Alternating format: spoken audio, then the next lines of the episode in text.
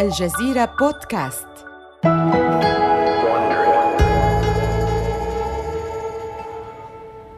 إنه أغسطس عام 2014 كان يوما عسيرا للغاية على كيفن تسوجيهارا إنه بصدد إصدار قرار سيكلف الشركة مليار دولار. وإذا أخطأ لن يزعج ذلك أصحاب الأسهم وحدهم. بل إن بعض موظفيه سيعانون من انهيارات عصبية أو ربما يفقدون وظائفهم. يشغل تسوجيهارا منصب رئيس مجموعة Warner Brothers شركة إنتاج الأفلام العريقة التي تمتلك شركة DC Comics وتنتج كل أفلامها. وحتى إن لم تكن تقرأ القصص المصورة فمن المؤكد أنك تعرف شخصياتها مثل باتمان وسوبرمان و Wonder Woman وربما اقتنيت يوما حقيبة أو غطاء سرير يحمل صورة أحدهم. لكن هؤلاء الأبطال الخارقين يشغلون ذهن تسوجيهارا اليوم لأن الشركة تواجه مشكلة كبيرة مشكلة بالغة التعقيد حتى أن سوبرمان لا يمكنه تجاوزها بقفزة واحدة. قبل بضعة أشهر قررت سوجيهارا إطلاق فيلم Warner Brothers القوي المرتقب لموسم الصيف في السادس من مايو عام 2016 الفيلم هو باتمان versus سوبرمان من المفترض أن يكون أكبر إنتاج للشركة في هذه السنة. إنه يضم اثنين من أهم أبطال الشركة الخارقين. سوف يتشاركان شاشات العرض السينمائية معا لأول مرة. ولكن تسوجيهارا قد تلقى للتو في مكتبه بمبنى الشركة بولاية كاليفورنيا أخباراً سيئة.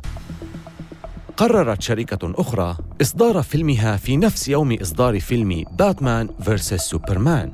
لم تكن أي شركة ولم يكن فيلمها بالفيلم الهين. إنه فيلم من إنتاج المنافس اللدود لشركة DC في كل ما يتعلق بالأبطال الخارقين. إنها مارفل المملوكة لشركة ديزني.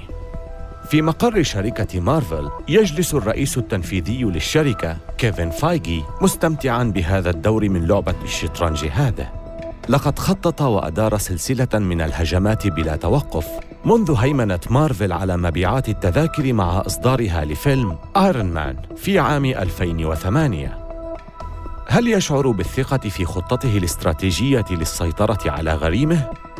بكل تأكيد. إنهما أكبر اسمين في عالم الأبطال الخارقين دي سي كوميكس ومارفل. وكلاهما يسعى للسيطرة على غريمه كما هو الوضع منذ أكثر من خمسين عاماً تماماً كما كان الوضع مع شخصيات كتبهما المصورة. لابد لأحدهما أن يتنازل فلو تم إطلاق كلا الفيلمين في نفس اليوم ستنقسم الجماهير. وهو ما سيؤدي إلى كارثة في مبيعات التذاكر وستدفع كلتا الشركتين ثمنها. يشعر تسوجيهارا بالقلق. إنه يفكر مليا بشأن القرار الصحيح الذي ينبغي عليه اتخاذه ومواقع التواصل الاجتماعي تنفجر وتشهد جدالا ضاريا. فمعجبو دي سي ومارفل يتشاجران حول أي من الفيلمين عليه الخضوع للآخر. وفي النهاية سوجيهارا هو من يتنازل. تعلو ابتسامة عريضة وجه كيفن فايجي. إن فيلمه Captain America Civil War سيتمسك بتاريخ صدوره. أما Batman versus Superman فسوف يضطر إلى البحث عن موعد جديد. إنها ضربة موجعة حقا. وهذا ليس سوى يوم آخر عادي في تلك المنافسة طويله الأمد بين مارفل. ودي سي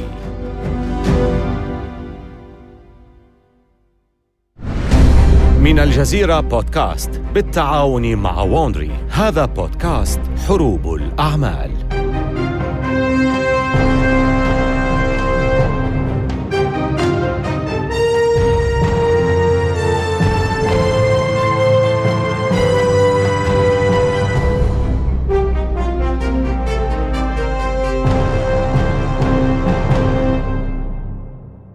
إن كنتم قد استمعتم إلى حلقاتنا السابقة فقد سمعتم عن الشخصيات العظيمة التي قادت المنافسات بين نتفليكس و HBO ونايكي وأديداس. لا يزال أمامنا معارك ملحمية أخرى لنستكشفها في الأسابيع القادمة خلال حلقاتنا الست القادمة. سنأخذك في جولة مبهرة داخل العالم الحقيقي والأسطوري لصناعة القصص المصورة. هذه هي الحلقة الأولى. بداية الحكاية. دي سي كوميكس ومارفل هما أكبر الأسماء في مجال الأبطال الخارقين. لقد كالا لبعضهما اللكمات على مدار خمسة عقود تماما كالصراع التاريخي بين باتمان والجوكر. بدأ الأمر كحرب للسيطرة على عقول جمهور المراهقين الوفي للقصص المصورة. تصاعدت الحرب وغادت سلسلة من المعارك الملحمية التي يتجاوز حجمها عدة مليارات من الدولارات. تدور رحاها في مجالس الإدارة وعلى مواقع التواصل الاجتماعي وفي دور السينما حيث تهتز المقاعد رعبا من أصوات الأبطال الخارقين حين يستعرضون قواهم الهائلة. خلاصة القول هي أن أبطال القصص المصورة النابضين بالحياة منتشرون في كل مكان، وهم جوهر قطاع كبير في عالم المال والأعمال. ربما كنت واحدا من الملايين الذين شاهدوا فيلم Black Panther الذي حقق أعلى مبيعات لعرض افتتاحي على مستوى الولايات المتحدة على الإطلاق. إنه أحد أفلام مارفل بالمناسبة.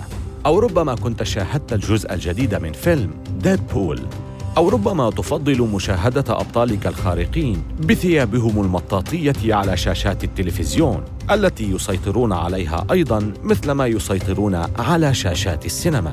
نحن نتحدث عن أفلام مثل Flash و Supergirl و Agents of Shield و The Defenders و Arrow وغيرها الكثير. وعادة ما ينحاز الجمهور لأحد الجانبين دي سي أو مارفل. القصص المصورة ليست مجرد جزء من الثقافة الشعبية الرائجة بل هي ما يصنع الثقافة الشعبية. لقد انطلق الأبطال الخارقون من السراديب المظلمة ومتاجر القصص المصورة المغلقة حتى سيطروا على العالم. ففي عام 2017 وحده احتلت الأفلام التي قام ببطولتها شخصيات من القصص المصورة خمسة مراكز ضمن أعلى عشرة أفلام ربحا في ذلك العام. أظن أن هذا دليل قوي على مكانتهم الكبيرة ولكن بكل تأكيد لم يكن الوضع دائما كما هو عليه الآن. كيف تصارعت مارفل ودي سي لشق طريقيهما نحو القمة؟ وكيف تحولت القصص المصورة من مجرد هواية خاصة تحظى بإعجاب الأطفال في غالب الأمر إلى الهيمنة على الثقافة الشعبية برمتها. لنفهم هذا التطور ينبغي علينا العودة بقطار الزمن إلى الخلف وتحديدا إلى أوائل الستينيات. لقد انطلق سباق الفضاء وأصبح جون جلين أول أمريكي يدور حول الأرض وأشعل مغني الروك الشهير تشابي تشاكر نوبة رقص جنونية بإصداره أغنيته التي عرفت ب The Twist كما وصل رئيس شاب وسيم إلى البيت الأبيض. إنه جون كينيدي. لا تسأل عما ستفعله أمريكا من أجلك. دي سي تتربع على القمة بفضل هذا الرجل. سوبرمان أسرع من الرصاص. في الواقع دعونا نذهب إلى أبعد من ذلك. فكما ترون دي سي قدمت هذا البطل الأمريكي الخارق بالفعل عام 1938 مع نشرها أول قصة لسوبرمان. تمت كتابة الشخصية من قبل شابين يافعين من كليفلاند بولاية أوهايو هما جيري سيجل وجو شوستر. لقد استغرقا أربعة أعوام في محاولة بيع تلك الشخصية لأحد ناشري القصص المصورة، ولكنهما قوبلا بالرفض من قبل كل دور النشر في ذلك الوقت. وفي النهاية، اشترت دي سي الشخصية لتضعها في مجلة جديدة كانت تعدها للنشر تحت اسم Action Comics. وقد اشترت الشخصية منهما مقابل 130 دولارا فقط. سرعان ما أصبح سوبرمان رمزا لأكثر السلع انتشارا. في الواقع أصبحت شعبيته هائلة وجارفة حتى ظهر كعلامة تجارية خاصة لشرائح الخبز. مليون شخص يصطفون في شوارع نيويورك لمشاهدة موكب عيد الشكر السنوي. وفي الموكب دمى كبيرة لبعض الشخصيات التاريخية الشهيرة ونجوم الشاشة. سرعان ما تصل مبيعات أعداد المجلة إلى مليون نسخة. السلع الترويجية تملأ الرفوف ويحلق منطاد سوبرمان في موكب متاجر ميسيز لعيد الشكر عام 1939 في ذلك الوقت لم يكن لدى مسؤولي إدارة دي سي الكثير من الاهتمام الشخصي بالقصص المصورة ولكن ما يهمهم هو جني الأرباح. وكان من الواضح لهم أن سوبرمان يحقق أرباحاً أكثر من أي شيء آخر. ولهذا السبب لجأوا إلى ابتكار المزيد من الشخصيات لأبطال خارقين. وفي نفس العام جاء باتمان. يقفز بأجنحته السوداء من فوق أسطح المنازل وبعده بفترة وجيزة بدأت واندر وومن في اصطياد الأشرار بحبلها السحري. استمرت هيمنة دي سي لمدة عقدين آخرين. انحسرت بعدها شعبية الأبطال الخارقين ولكن دي سي اجتازت فترة الركود لسبب رئيسي وهو أن موضة سوبرمان لم تبطل قط. إنهم لا يطلقون عليه الرجل الحديدي من فراغ. وهو ما يعيدنا إلى الستينيات مرة أخرى. حققت سلسلة سوبرمان مبيعات هائلة. بلغت 810 آلاف نسخة من كل عدد. يبدو أن دي سي لا ينقصها شيء. فبحوزتها أفضل المواهب وأكثر الشخصيات الخارقة شهرة وتسويقا وتميزا في الوقت الحالي. كانت مكاتب الشركة في ناطحة السحاب وسط منهاتن مكسوة بالذهب. مارفل بالجوار. يقع مقرها أيضا وسط منهاتن. لكن عملهم يمر ب آه لنسميها أوقاتا عجافا. ففي الواقع ليس لدى شركة النشر بالأساس سوى موظف واحد يعمل بدوام كامل. هذا الموظف يدعى ستان لي ربما سمعت عنه من قبل. ستان لي الأسطوري سوف يستمر في عمله حتى يصبح في مثل عظمة المخرج الإيطالي فيدريكو فيليني. لكن في مجال القصص المصورة وسوف يغدو اسمه مرادفا لمارفل كما هو الحال مع والت ديزني وشركته التي أسسها.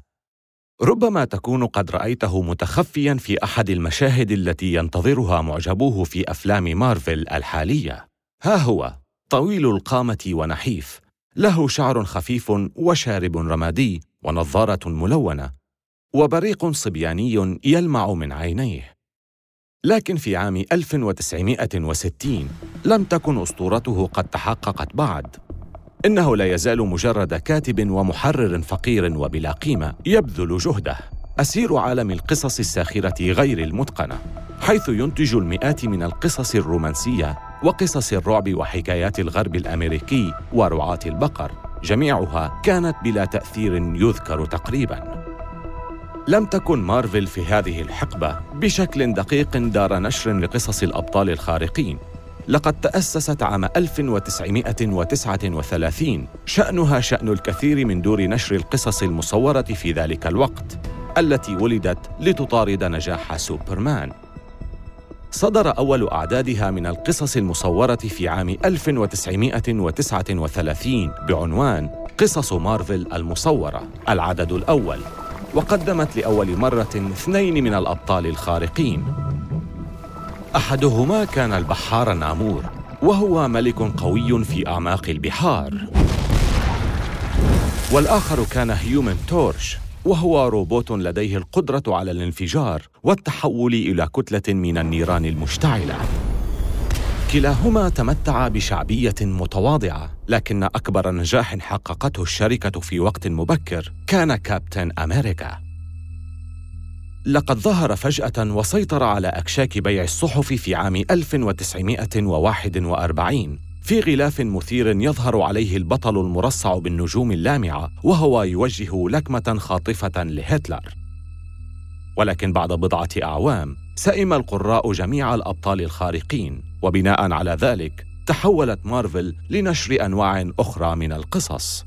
في الواقع كانت مارفل على وشك التوقف عن العمل في الخمسينيات عندما خسرت موزعها فجأة وهي الشركة المسؤولة عن نقل وتوزيع مجلاتها لأكشاك بيع الصحف. وقد اضطر مالك الشركة إلى طرد الجميع تقريباً. طرد الجميع باستثناء كاتب واحد وهو ستان لي ربما كان لذلك علاقة بصلة القرابة التي تربط لي بالمالك. بعد تخرجه من المدرسة الثانوية عام 1939 كان ستان لي يبحث عن عمل وجاء إليه عمه. اسمع يا ستان أعتقد أنني وجدت لك فرصة عمل جيدة. زوج قريبتك يدير شركة نشر في شارع 42 النشر! هذا بالتأكيد أفضل من عملي كعامل في مصنع السراويل. القصص المصورة! ولم لا؟ حسنا تعجبني الفكرة. بدأ ستانلي كعامل يجلب الساندويتشات ويعيد تعبئة الحبر للرسامين.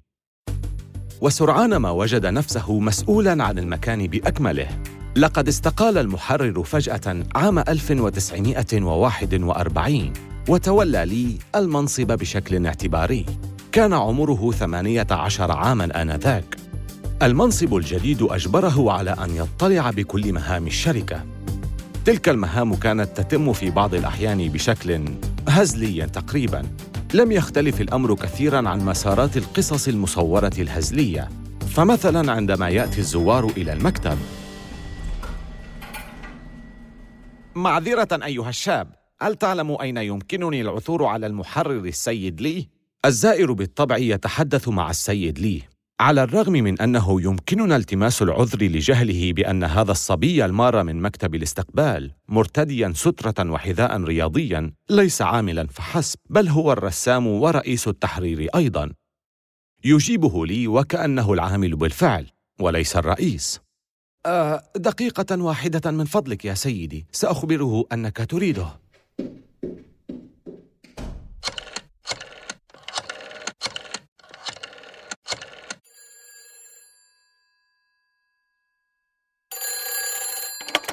مارفل كوميكس كيف يمكنني مساعدتك؟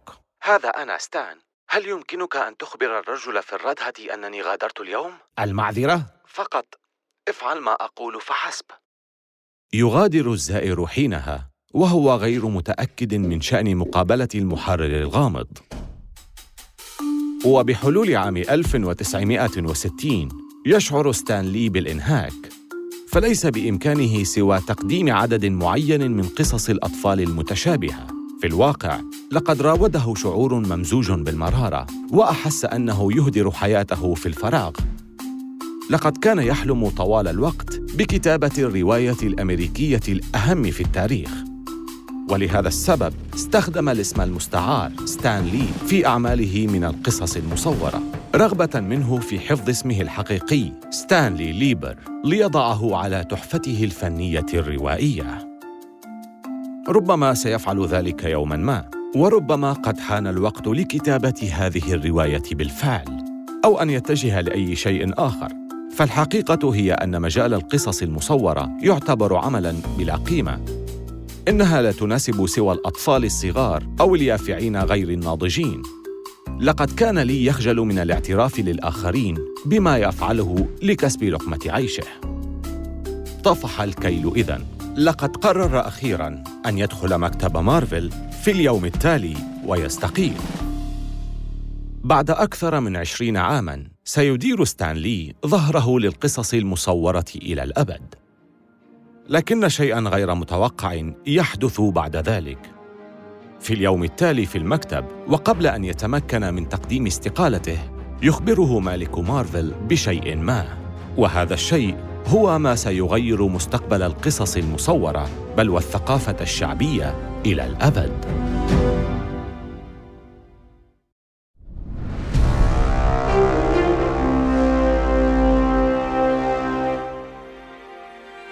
إذا ما الذي سمعه ستانلي في ذلك اليوم وحفزه على إعادة النظر في الاستقالة؟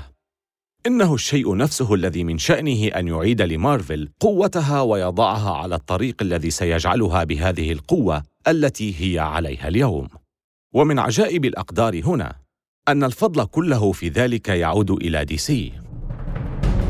طفرة هائلة حققتها دي سي في مسيرة الأبطال الخارقين حين أطلقت سوبرمان لأول مرة عام 1938 ولكن بعد حوالي عقد من الزمان سئم الجمهور من الأبطال الخارقين واتجهوا إلى أنواع أخرى من القصص.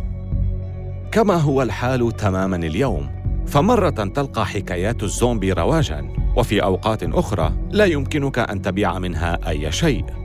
حين حل عام 1956 قررت دي سي اختبار شعبية الأبطال الخارقين مرة أخرى فقامت بإصدار نسخة مجددة من بطل السرعة فلاش.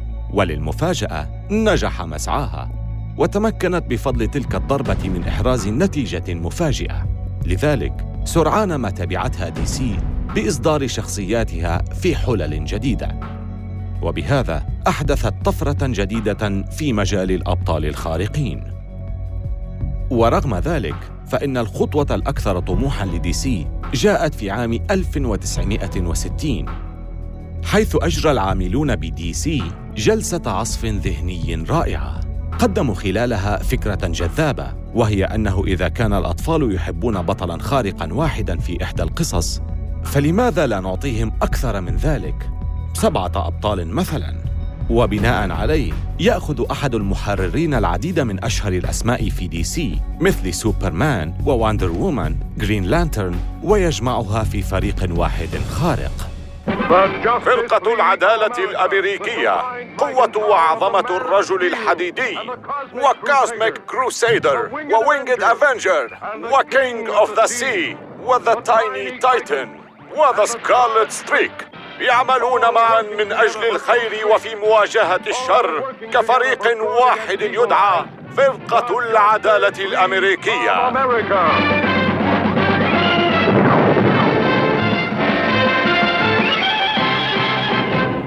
تحقق قصص فرقة العدالة الأمريكية نجاحاً كبيراً وتجعل دي سي أغنى شركة للأبطال الخارقين. الآن هناك ما ينبغي عليك معرفته بشأن مؤسس مارفل ومالكها رئيس ستان لي. إنه يدعى مارتن جودمان وهو رجل أعمال في المقام الأول. أما اهتمامه بالقصص المصورة فربما يأتي في الدرجة الأخيرة. تكمن أعظم مهاراته في رؤية اتجاه السوق وتحديد أفضل السبل للاستفادة منه لخص جودمان استراتيجية عمله يوما ما على النحو التالي إذا تمكنت من الحصول على قصة مميزة ثم أضفت إليها قصصا أخرى تشبهها فأنت على الطريق الصحيح لتحقيق نسبة ربح جيدة. هذا هو الحال اذن جودمان يبحث دائما عن العناوين المميزة التي يمكن نسخها وهنا يأتي دور فرقة العدالة الخاصة بدي سي. في أحد الأيام يقضي مؤسس مارفل يومه في ملعب الجولف بصحبة المدير التنفيذي لمنافستهم دي سي. إنهما في ناد ريفي فاخر في لونغ آيلاند على بعد ساعتين من حي منهاتن يمضي الثنائي يومهما بضرب الكرات ومناقشة أخبار السوق. أخبرني إذن كيف الحال في دي سي؟ عظيم جدا. لقد نشرنا للتو قصصا جديدة حققت لنا مبيعات عالية. حقا؟ وما اسمها؟ فرقة العدالة. إنها تجمع معظم شخصياتنا الخارقة الحالية في فريق واحد. الأطفال يحبونها بجنون لا يمكنهم الانتظار كي ينفقوا مصروفهم عليها. حقا؟ إنها قصة طريفة وربما لم تحدث أيضا. يقول جودمان إنه لم يلعب الجولف في حياته ابدا وعلى الأرجح اكتشف جودمان أمر نجاح فرقة العدالة من خلال الاعتماد على معارفه في المجال أو عبر جاسوس له بداخل شركة التوزيع. ايا كانت الطريقة التي اكتشف الأمر بها فقد رأى جودمان بريق المال يتألق في الأفق. إنه عازم على الاستفادة من نجاح قصص دي سي الجديدة وهو ما حاول فعله من قبل في عام 1939 يندفع بحماس عائدا إلى المكتب ويستدعي ستان لأن لديه مهمة لمحرره. لكن في نفس تلك اللحظة كان ستان لي مشغول البال بشيء آخر. آه ستان ها أنت ذا. تعال إلى مكتبي للحظة. لدي شيء أريدك أن تعمل عليه. حسنا يا سيد جودمان. كنت أرغب في التحدث معك أيضا. انظر لقد كنت أفكر وأشعر أنه بالطبع بالطبع يا ستان. فقد انتظر لحظة واسمعني أولا. لقد اكتشفت للتو أن دي سي نشرت قصصا جديدة لا تكاد تصل إلى منافذ التوزيع حتى تنفذ النسخ على الفور. حسنا ولكن ستان هل يمكنك أن تؤلف قصة عن فريق من الأبطال الخارقين مثل فرقة العدالة لدي سي؟ يمكنك استخدام أبطالنا القدامى. البحار مثلا هيومن تورش. وربما كابتن أمريكا أيضا وهذا سيوفر عليك الاضطرار إلى تخيل أي شخصيات جديدة. أه، حسنا دعني أفكر بالأمر. يخرج لي من المكتب حزينا وتختلط الأفكار برأسه. إنه أفضل أيام جودمان بل إنه أيضا يوم مميز لكل جمهور قصص الأبطال الخارقين. كان ستانلي قد عقد العزم على الاستقالة في اليوم السابق. ولكنه عندما رأى حماس جودمان لهذه القصص الجديدة فإنه يقرر تأجيل الرحيل لأربع وعشرين ساعة أخرى على الأقل. لي مشتت للغاية. إنه يقترب من الأربعين من عمره ويشعر بشبابه يتسلل بلا عودة. وهو ما يضعف فرص العمل في أي مجال آخر غير هذه القصص المصورة السخيفة. أي شركة محترمة قد ترغب في توظيفه وليس بحوزته سوى خبرة عشرين عاماً من كتابة تلك القصص التقليدية الرديئة. في تلك الليلة يفضي لي بما في قلبه إلى زوجته جون. تواسيه جون ولكنها بعد ذلك تخبره باقتراح غير متوقع. هل تعلم يا ستان؟ إذا أراد مارتن منك أن تؤلف مجموعة جديدة من قصص الأبطال الخارقين فربما تكون هذه فرصة سحرية لتفعل ذلك بالطريقة التي طالما أردتها. يمكنك تخيل حبكات درامية تتضمن المزيد من العمق والمعنى وابتكار شخصيات مثيرة للاهتمام شخصيات تتحدث مثلنا تماما. كلماتها تغير مجرى التاريخ. يقرر لي إعطاء هذه المجموعة الخارقة الجديدة في مارفل فرصة واحدة على الأقل. وكما تقترح زوجته سيؤلف هذه القصة المصورة بطريقته هو. لا يهم ما تفعله دي سي وفرقة العدالة الخاصة بها. ثمة رغبة تحترق بداخله لتأليف قصة مصورة أكثر نضجا وبها المزيد من العمق. دي سي تناسب الأطفال. باعتقاد ستان وهو يريد أن يؤلف قصة أبطال خارقين للقراء أصحاب الذوق الرفيع والأكبر سنا والأكثر ذكاء وفي العام التالي عام 1961 تظهر نتيجة جهوده في أكشاك بيع الصحف. خلال وقت قصير بدا واضحا أنها لا تشبه أي قصة مصورة طالعها القراء في أي وقت مضى، وقد كان من شأن ذلك خلق ما نعرفه الآن باسم مارفل يونيفيرس قصته المصورة تدعى The Fantastic Four وهي قصة خيال علمي تروي حكاية مجموعة من المغامرين المشاغبين يكتسبون قوى خارقة عن طريق الخطأ. ستغير تلك القصة الطريقة التي يتم بها رواية قصص الأبطال الخارقين بدءا من تلك اللحظة وحتى المستقبل. وسوف تطلق العنان أيضا لحقبة جديدة من الإبداع لم يسبق لها مثيل. وستشهد تأليف العشرات من الشخصيات الجديدة. العديد منها الآن لديه سلسلة أفلامه الخاصة. وبالنسبة لمنافس مارفل شركة دي سي الجبارة فقد بدا واضحا أنها تلقت ضربة قاصمه ستقضي بسببها عقودا في محاولة للتعافي. في حلقتنا القادمة يستدعي كاتب مارفل المحبط شجاعته للتقدم بالاستقالة لكي يتمكن من القيام بشيء أفضل مثل كتابة الرواية التي كان يتحرق شوقا من أجل تأليفها. ولكن القدر كان له كلمة أخرى. ما سيقوم بفعله بعد ذلك سوف يغير مسار المجال بأكمله. آمل أن تكونوا قد استمتعتم بهذه الحلقة من حروب الأعمال. استمعوا إلى حلقاتنا عبر أبل بودكاست وجوجل بودكاست وشاركوها مع أصدقائكم. ولا تنسوا زيارة موقعينا على الإنترنت podcast.aljazeera.net وwandry.com وملاحظة سريعة حول المحادثات التي سردناها. لا يمكننا أن نعرف بالضبط ما قيل ولكن هذا الحوار مبني على أفضل الأبحاث التي قمنا بها. قدم هذه الحلقة في نسخة اللغة الإنجليزية ديفيد براون. كتب القصة ريد تاكر وهو مؤلف كتاب Slugfest تفاصيل الصراع الملحمي بين مارفل ودي سي في خمسين عاماً. كارين لوي هي المحررة وكبيرة المنتجين وقامت Bay Area Sound بتصميم الصوت. منتجنا التنفيذي هو مارشال لوي. أخرج السلسلة هرنان لوبيز لصالح شبكة ووندري